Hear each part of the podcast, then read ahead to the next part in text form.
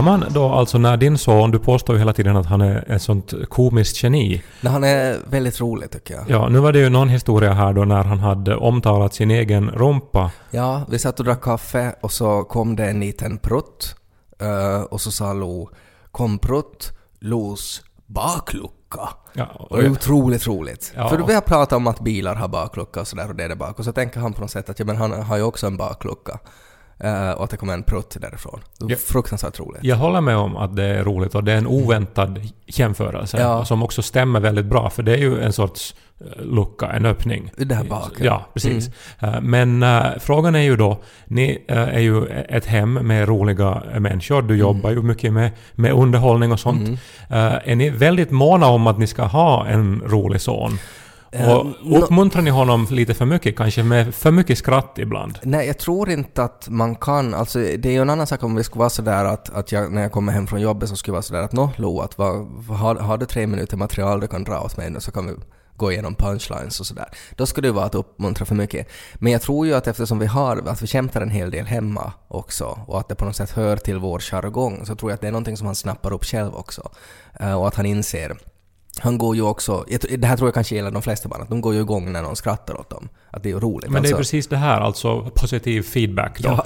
Och jag, tror ju förstås att alla då eh, som uppfostrar en annan människa så Mm. eh, utgår ju lite från sina egna preferenser och det som man själv anser vara viktigt. Naturligt Ja, nog. Klart det, och jag menar olika saker, man skrattar ju åt olika grejer. Och jag Mm. menar om han kallar sin röv till baklucka så då kommer jag att skratta åt Jo, jo, men det är ju det då som gör att han, att han då antagligen eh, allt mer då går mot ordvitsar och sånt. Men är du, är du liksom orolig nu för din gudson här? Nej, jag, jag att menar... han blir för skojig?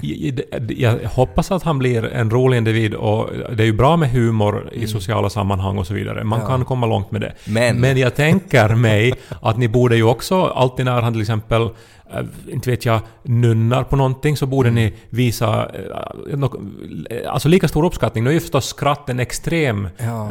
positiv feedback. Jag tror nog handlar det, alltså nu låter det som att, att det är bara på något sätt humor som vi uppskattar Ja men det var det jag hem. tänkte just att Ja men så är det ju inte utan att, att vi uppskattar ju nog precis allt vad han gör. nej men om han nu sparkar en boll Ja nej, men då uppskattar vi det också och säger att han är otroligt duktig som kan sparka den där bollen. Nej, men, ja men ni skrattar ju inte och liksom hela bordet av, avslutar allt vad man gör. Nej, Och, och går helt och sen pratar om hur rolig den här ordvitsen var länge efteråt. Ja, men det är kanske bara för att det är oväntat att tvååringar har ordvitsar. Så därför är det ju roligt. Och då är det ju extra kul. Eh, men han får nog uppskattning också att om han sparkar bollar. Han kommer att bli som en otroligt rolig Zlatan. Alltså sådär att han gör mål och sen drar han en ordvits efter det. Jag har lite bicykleta hårvax i hår eller någonting. Det är inte lätt att komma på en fotbollsordvits. Ja, Du behöver inte försöka. Messi buen purmo puutvo össärbottning som talar sitt så popna popcorn. Så börjar vi. Popnödena popcorn. Så börjar vi. Lys på Ted och Kai Jag ser ju också, och nu vill jag ju inte att den här podden uteslutande ska handla om uppfostring av din son. Nej, men det Men- lutar ju mot det nog. Men att det också kan skapa komplex det där då. F- Får jag bara sätta in en parentes här, alltså att, att du och Nico var ju eh, under påsken och, och hälsade på oss och var ju flera timmar och umgicks med Lo. Och det är ju sådär en, en viss så här tolkning nu att det här blev till uppfostringspodden med Kai. Eh, Så här att efter att ni har liksom varit på besök hos oss. Jag mindes annars eh, när jag var hos er att när jag var barn eh, så talades eller alltså vi, vi blev hotade eh, och, och, och inte bara jag och min bror men alltså vid den tiden på 80-talet så sa man till barnen att om inte de var snälla så skulle de läggas på uppfostringsanstalt. Men det låter ju nog inte som någonting när du säger sådär att det här sa man till barnen på 80-talet. Att nu låter det ju... För, för jag, jag var inte med om det. Att jag, jag- har inte minne av att det kördes omkring så här uppfostringsanstaltbussar. Nej men för att jag minns också att jag har pratat med mina vänner liksom i, i Pantregården eller skolan, alltså de tidiga skolåren, om det här med uppfostringsanstalt. Att, att, att nu, nu hamnar du nog säkert på uppfostringsanstalt du. Var, var, var det något barn då på din klass som var så här otroligt artig och så här hade alltid en näsduk åt, att ge åt andra och, och som var otroligt väluppfostrad för att hen hade då varit på anstalt? Det var ju också på 80-talet som de la såna här servitörer att gå på charmkurs. Eh, alltså, jag antar att det var Inte väldigt... en dålig idé tycker jag faktiskt. Nej, annars var det ju nu jag läste eh, i The Guardian om en uh, kanadensisk kypare Mm. som har stämt sin arbetsgivare. Eh, Ju, ju, just för att han var, han var ett asshole. Och så, han hade fått sparken för att han var ett asshole mot, Ja. mot sina kunder. Men han menar att det var för att han var från Frankrike, att han var ett franskt asshole och han kan inte göra något åt det. Ja, att han stämmer dem för att han inte får utöva sin kultur. Ja, det är ju... Ja. Det är ju... Alltså det låter ju som att man ska vara ett riktigt stort franskt asshole för att göra det. Men ändå en intressant fråga. Ja. För alltså, nu tror jag ju att det finns kulturella eh, liksom, Ja. eh, egenskaper som, som, som, som hänger med en. Jag, jag tycker det är otroligt smart och framförallt alltså för att skulle jag vara domare i det caset så skulle jag ju liksom direkt eh, gå med, liksom att jag skulle vara på hans sida eftersom det är en sån asshole-grej att komma på att göra så att, att han har ju liksom bevisat själv att han är ett asshole genom att göra det där. Men, men jag håller med, alltså jag var ju på, vi var ju på en sån här yrkesskolrestaurang en gång jag och Janika. För det finns ju ofta alltså, um, alltså yrkesskolor som utbildar då servitörer och kockar och sådär, så de har ju oftast restauranger liksom um, i, i samma skola eller i samma byggnad, så där de helt enkelt får lära sig att hur det är att jobba och det, dit kommer liksom riktiga människor och inte andra elever och lärare och sådär och äta. Uh, och att jag var en gång och åt på en sån restaurang uh, och så kom det då en, en pojke som på något sätt, han utstrålade här att servitör var hans liksom plan G. Att, att det, var, det var liksom en massa saker han skulle bli före det. Men av olika orsaker, kanske att moppen var för snabb eller någonting, gjorde till att, att det, det var nu liksom till servitör han sökte in och slapp in. Uh, och så satt vi där och så kom han dit, han stirrade på oss. Ingen sa någonting. Och så sa han ”Vad ska ni ha till dryck?” Eh, och, och han var ju en, en sån här på något sätt som... Alltså det, det var ju hans kultur. Alltså att han på något sätt utstrålar ju det här att han, han, han borde ha gått på charmskola eller uppfostringsanstalt eller någonting. Fast var det där nu alltså allt som gick fel? För det där lät ju ändå som, det är ju som man inleder nog. Alltså Ja, med men- att fråga. Men man kan säga hej, man kan säga välkommen, man kan säga vad som helst. Ja. Istället för att säga vad ska ni ha till dryck? Så här aggressivt som att det var att han måste personligen få mjölka sig för att liksom producera någonting som vi ska dricka. Ja, fast det där är ju nog ändå inte en sån skandal som så att säga man skulle komma ihåg. Om, om inte han var, alltså var också som på något vis till sitt yttre väldigt så här att han tog plats och såg jätte... No, han var, han, han, han, ointresserad ut. och- utstråla en sån här att, att vi var inte välkomna. Och jag tycker att det kanske är det viktigaste om man jobbar på restaurang, att du ska utstråla en, en välkommenhet. Att vad kul att just du kom hit. Ja, men nu har vi ju nog eh, alltså en, en brännande fråga här då eftersom vi nu Mm. pratar om uppfostring då, att det var det han som var dåligt uppfostrad eller är den i er uppfostran? Nej, det var som han som reagerar så här starkt på det? Det är helt klart var det han som var dåligt uppfostrad. Här finns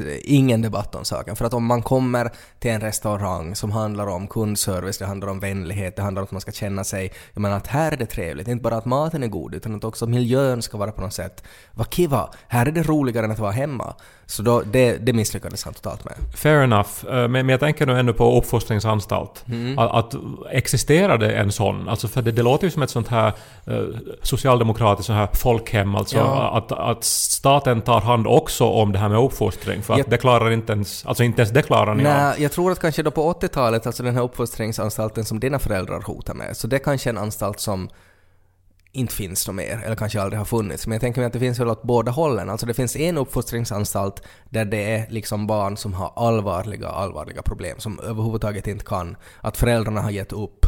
Eh, det finns ingenting man kan göra längre. Då finns det säkert sådana anstalter som på något sätt försöker ge en sorts, inte uppfostran, men ett så här att så här beter man sig annars hamnar man i fängelse, anstalt. Ja, men alltså är det som typ det är då som de pratar om i England som Catholic school, att man blir liksom skickad till en sorts eh, re- Nja. religiös sträng miljö. Ja, men då, då är det så mycket annan psykologi bakom det. För att då är det ju inte för att man kanske är dålig, utan då är det för att, för att ens föräldrar är katolik och det på något sätt hör till kulturen att man ska gå i en sån skola och få den här gudsskräcken. För att det räcker inte man får hemifrån, utan att man måste ha liksom nunnor att slå i, bokstavligen, det in i en.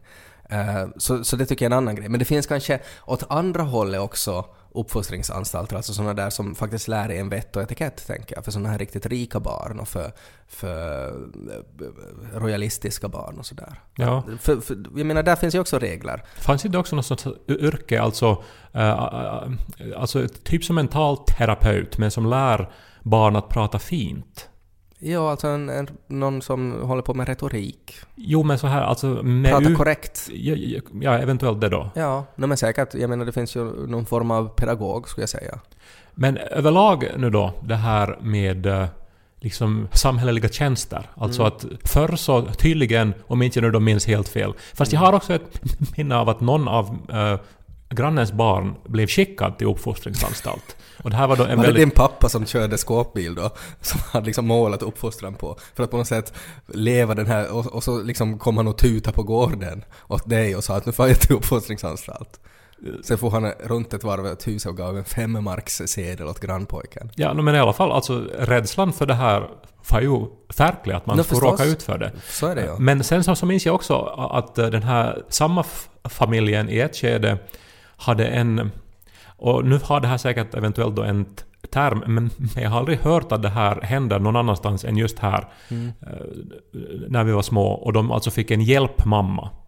Mm. Att mamman skickades iväg på vilohem och så kom det en hjälpmamma. Det är ju hemskt spännande, men det tyder ju nog på att den här familjen kanske inte mådde så bra. Eller var det på något sätt din pappa i peruk det då? som, som ville verkligen på något sätt att han, är- han, han är liksom han living the lie så att Kai, Kai ska vara rädd för uppfostringsanstalt. Uh, ja, nej, jag har faktiskt aldrig hört om det här, men att det låter ju som eh, som att, att den här mamman mådde dåligt eh, och hela familjen mådde dåligt och att det här var kanske då någon som, som eh, hoppar hoppade in. Ja men har man möjlighet att gå in på fba.fi och liksom fylla i en blankett, nu ansöker jag om en hjälpmamma, Jag och så säga- kommer det då Ja. en mamma hem. Och så får finns- den andra mamman, eller om det nu då, alltså den ena föräldern då fara på något sorts vilohem. Mm. Det skulle vara roligt om det finns liksom på, på FBAs hemsida att man får välja vilken sorts mamma man vill ha. De har en cool mamma eller en så här rockmamma och så bara kruxar man i då att jag skulle vilja- på tisdag så skulle det vara kul med en så här punkmamma. Eh, men jag, jag, jag tror faktiskt alltså att, att, eh, att det här, det här tjänsten existerar nog. Alltså, Inga tatueringar i alla fall. Det, det, det minns jag första gången som jag såg en mamma med tatueringar och jag tyckte att det var oerhört obehagligt. Mm. Ja. Att det var som någonting i hela världen som på något vis sprack. Los mamma har ju tatueringar. Ja, otroligt obehagligt. Men Ja. det vet väl inte Lo om. Ni måste ju skydda honom från det. Hon har alltid långa handskar så att man inte ska se. Eh, nej men jag tror alltså man får, det, det finns ju nog alltså, det finns hjälp att få om man är jätte, jättetrött som förälder. Så, så, så då får man nog hjälp. De, det här är någonting som de nog nämner på sådana här familjekurser och, och sådär. Det är, Och som en jätte- hel jättebra. värld som jag inte har någon aning Ja, om. men jag tänkte fråga dig, alltså med så här i egenskap nu av uppfostrare och sådär, eh, just med den betoning på en hel värld, att det här är också någonting som är ganska aktuellt när man har barn, att, att den här devisen att det krävs en hel by för att uppfostra ett barn. Vad har du för tankar om det? Ju längre jag nu har bott i Helsingfors så desto mer saknar jag det som ju då fanns i Esse, alltså det här Mm. ändå att alla känner alla, alla på något vis bryr sig lite om alla, på, på, på gott och på ont. Ja, Och liksom så ser jag ju också eh, hur mina österbottniska vänner som har barn får stor hjälp då av eh, alltså mor och farföräldrar som ofta finns väldigt nära och sen också grannar om det är någonting som Mm. men det är ju en, alltså, på något sätt att i mitt huvud så är det ju det här när folk säger liksom att ja, att det krävs en hel by för att uppfostra ett barn. Alltså det som det ju syftar på, tror jag, är ju det här att föräldrarna inte slår sina barn tillräckligt mycket. Att därför behövs det den här sporgon på sporran som liksom dorvar till den här pojken när han inte kan bete sig.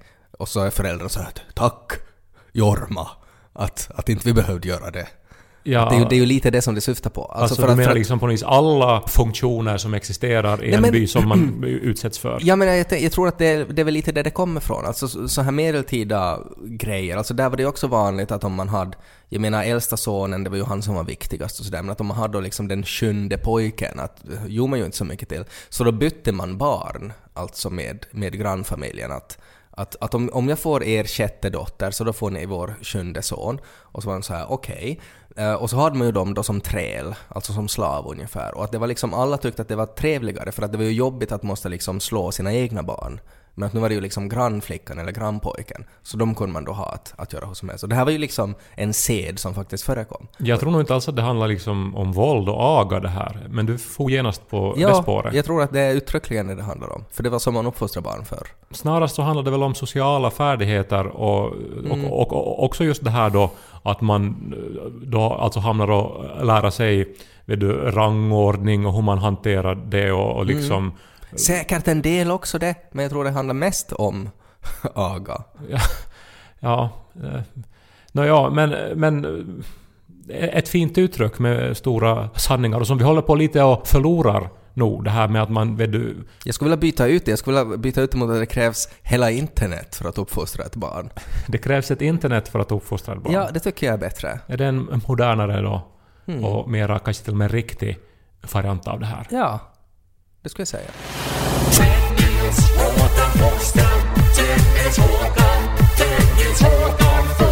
Men ännu om Los uppfostring. Ja. Och, alltså, det, är- det är nog inte att jag är orolig, men... Men det bara- låter ju, det, alltså det, framstår ju nog som det. Nej, men jag tänker... Var det någonting som hände? Alltså var det någon speciell incident som nu har lett till att vi idag har lyssnat på Uppfostringspodden? Nej, men det var just det här din historia om bakluckan som Ja. jag då plötsligt mindes. Och jag såg ju framför mig scenen då. Ja. Eh, liksom hela familjen samlad kring bordet, Mm. äter mat. Det blir så här tyst, en awkward silence.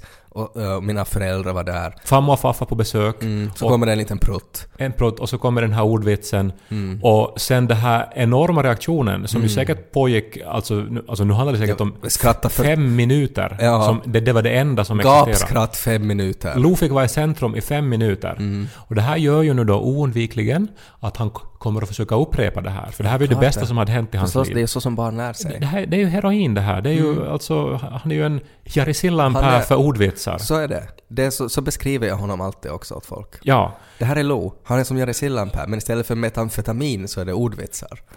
Och eh, det här, det gör ju att han kommer att få komplex när det inte går. Ja! Och det, det kommer att skapa ångest i honom. Ja men det är väl så här bra... Hmm.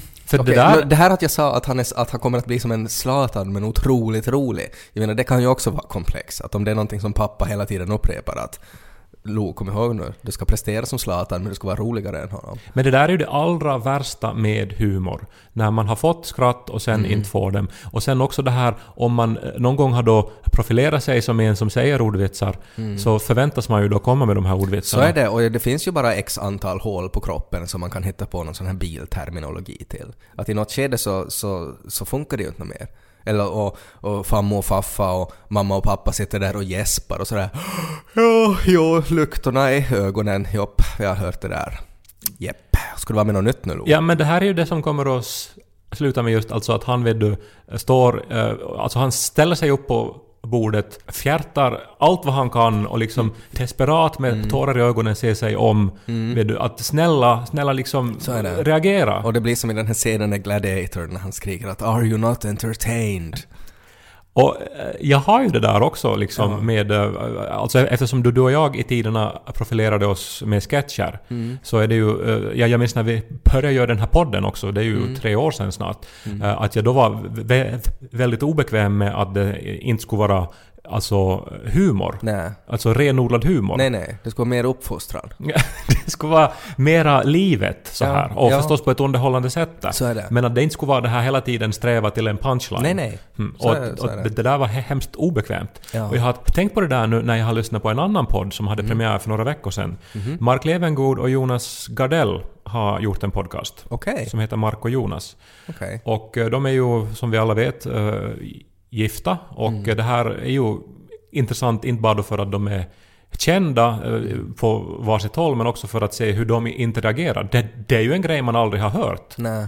Alltså att man har ju vetat i t- 30 år att de är gifta och att de är liksom...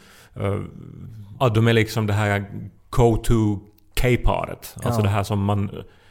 Den här sinnebilden för ett K-par, eftersom de var först typ. Mm. Och, eh, men nu när man då får höra deras interaktion så är det lite disturbing. Och inte så mycket med eh, Mark Levengood för att han är precis så som han alltid är i media. Och det har väl att göra med att han är mediavan också kanske. Men det borde väl nog Jonas vara också? Nå, man skulle ju tro det, men han framstår som oerhört, tycker jag, oförberedd, ofokuserad, eh, lite störande och eh, inte alls rolig. Och det här är hemskt då för en som mig då som alltså växte upp med honom som komiker och som skrattade så, alltså liksom såg de här inspelningarna om och om igen av hans shower. Och eh, sen har liksom alltid uppskattat honom som humorist. Ja. Och, och sen också uppskatta honom som författare för att han är väldigt väl formulerad. Ja. Så att nu höra honom, är du oförberedd, s- säkert helt så som han är. Eh, och, och som... eh, Alltså förstås har han ju olika sidor och roller, men det är ändå någonting som skär sig i mig när jag hör honom dåligt formulerad, när jag hör honom, hör, hör honom dra dåliga skämt. Och så undrar jag då, är det så här som folk hör på vår podd också? De tänker att "Nej, men Kai, han har ju gjort så mycket roliga sketcher. Han, att, att han är ju säkert rolig. Ja, eller så, så, så har de just läst en, en välformulerad roman av Kai Korkeaho. Ja. Och så sätter de på den här podden och så är det så här lösryckta tankar om hur man borde uppfostra folk med skåpbilar. Ja, och, och, alltså precis. Och, och sen får man avsmak och, och, och sen komplex. Jag tycker det är en reell risk, är det ju. Men eh, vad kan vi, inte kan vi göra något åt det. Men, Nej, men- så här är det ju nu. Att man inte kanske som ska för tidigt eh, ge någon för stark feedback kring en viss egenskap.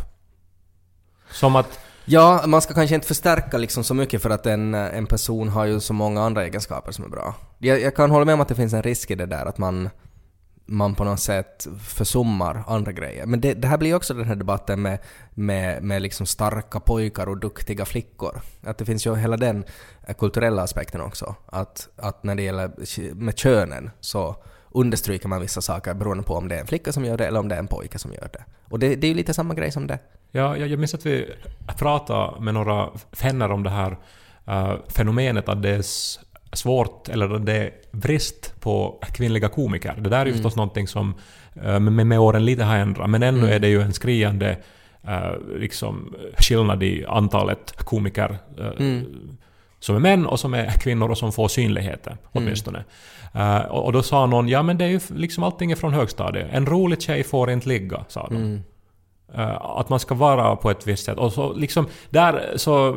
Då just så... så eh, Jag vill bara poängtera här att inte får ju roliga pojkar ligga i högstadiet. det var det som jag sen kom fram till. Att det stämmer inte det där ändå.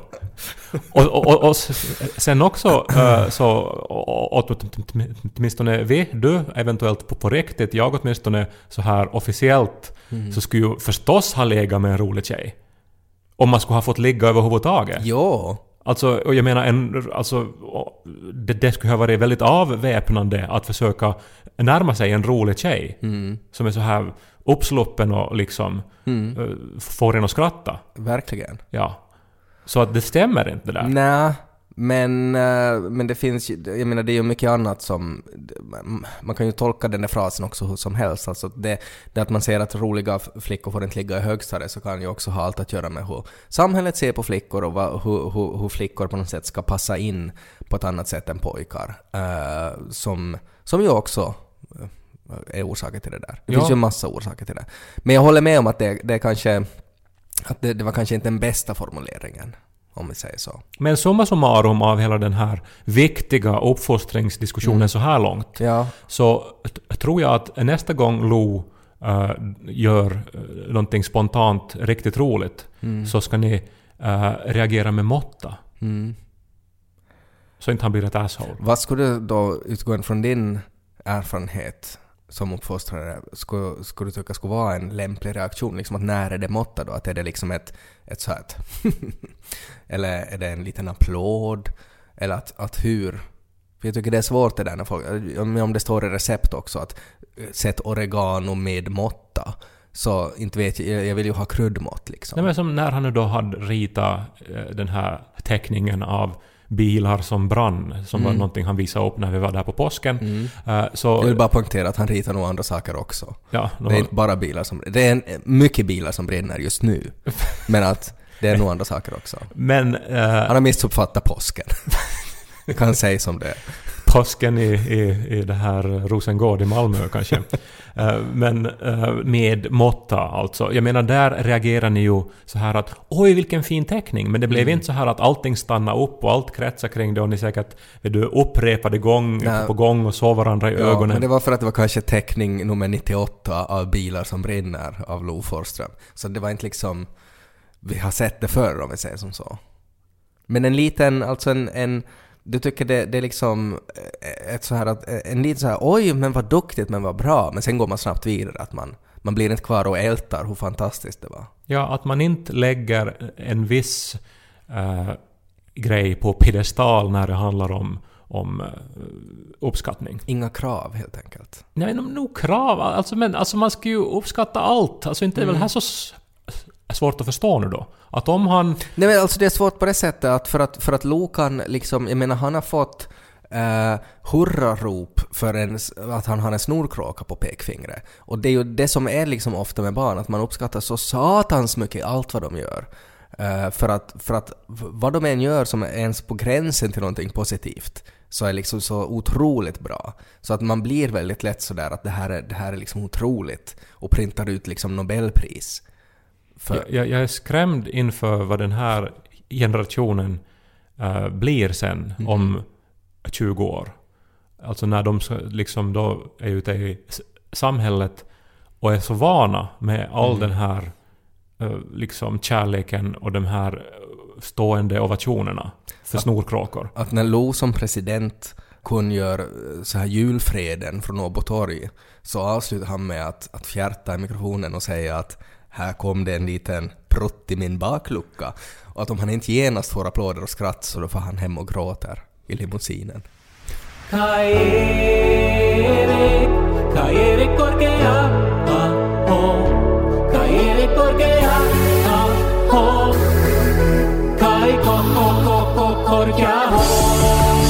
Hela den här diskussionen, det här samtalet, så får ju mig osökt att tänka på Au pairit Miamissa.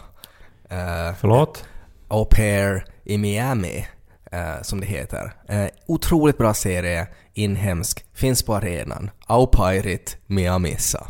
Okej. Det Alltså varför säger du det på finska? Den är på finska? Den är på finska och det handlar då om, det är väl, är de nu fyra unga flickor och en pojke som alltså far till Miami för att ta hand om barn, au pairs. Och de är ju liksom från 18 till 21. Uh, har ju inte så mycket erfarenhet av barn, uh, inte så mycket erfarenhet av någonting egentligen, utan att de ser ju det här mer som ett sätt typ att det här är mitt sätt att komma bort från Seinajoki, ungefär. Uh, och det är framförallt en av de här flickorna. Alltså det här är, det här är jättebra reality. Alltså att jag, jag, jag, jag tittar på den här serien med Janika som ett skämt. Men att vi är liksom nu helt hooked. Att det är faktiskt... Jag kan inte rekommendera det här tillräckligt. Men vad är liksom hooken här då? Att Hooken är att de är, de är hemskt ärliga. Nej, alltså de är, de är jätteärliga. Alltså det, det är på något sätt en sån här... Jag vet inte, en sån här... Alltså de är i den här skedet av livet att de har aldrig varit någonstans och så mitt i allt kommer de till Miami och de gör så mycket misstag och de är så ärliga och de dockar och, och liksom hela den här... Dockar de med Jo, de- barnen? Nej, inte med barnen. De har fritid också. Och det, det är jätteintressant alltså med så här att eh, hela den här aspekten att det ena är sådär att, att nu ryper tärn och sådär och så blir hon arg när inte alla dricker och, och hela den diskussionen när den här ena inte vill ha alkohol och den andra är liksom att men förstår du inte att du förstör för allihopa om du inte också dricker? Det är det som hela poängen med att dricka, att alla ska dricka. Och hela den diskussionen är jätteintressant. Eh, och de är eh, så här pendlar mellan att vara liksom totalt idioter liksom i en scen och så kan de vara otroligt filosofiska och intelligenta i andra scener. Och det är på något sätt det som är just den där åldern som gör att det är så fascinerande tycker jag. Men en av de här tjejerna då, Matlena heter hon, alltså Matlena, Ja. som var ett namn jag aldrig hade hört. Men jag tyckte det var hemskt roligt. Ett sånt namn som blir kvar. Matlena. Eh, Så hon har söker då som au pair och, och, och som au pair, att om, om man inte känner till yrket, alltså att, att du ska uppfostra andra människors barn. Ta hand om barnen, hjälpa till där hemma. Att du ska vara som en, en nanny, helt enkelt. Och det som ju på något sätt förutsätts då är ju att man ska kunna handskas med barn. Eh, men hon, hon kan inte det. Alltså att hon har ingen erfarenhet av barn. Eh, och, eh, och så kommer hon då till sin familj, alltså hon har då varit hela flygresan till Miami och hon har varit så peppad på det där och hon har skaffat Tinder och där är jättemycket människor i Miami och hon har fått en massa superlikes redan. Och så kommer hon dit eh, och så har den här familjen då alltså en, en, en liten baby, alltså som är bara några månader. Som ju- då liksom kräver en hel del att ta hand om. och ett äldre barn. Och så konstaterar de bara att, ja, nej, att hon har aldrig bytt blöja, att hon har, hon har inte riktigt, vet inte riktigt hur man ska hålla i en baby och, och hon typ nästan tappar den i golvet och så får hon panikångest och börjar gråta och, och sådär. Och så säger de att ja, att, att, att vi måste nog liksom för, för, för familjens säkerhets skull, alltså så kan vi nog inte ha dig som au pair. Ja. Och så måste hon liksom fara tillbaka till sitt hotellrum och, och, och få Men ett bo med den här familjen. Alltså, nu har jag ju kanske en, en sån här föråldrad bild av vad det är att vara au Nej men, för pair. nej men för att det är ju förstås för att de gör TV kring det här också så att de far dit och är första natten på ett hotellrum tillsammans Ja. och sådär. Men bara den här grejen, alltså att man man far till Miami för att ta hand om människors barn ut, att, men, men totalt sakna de här grundläggande rudimentära insikterna och kunskaperna som behövs för att hur man håller i en baby eller uppfostrar ett barn. Jo, Så men, det är väldigt intressant att man ändå gör det, att man ändå har på något sätt det självförtroende att ja, men det här fixar jag nog. Och så kommer man dit och så konstaterar båda föräldrarna att nej det här fixar du verkligen inte. Och så är hon bara nej, inte gör jag det inte.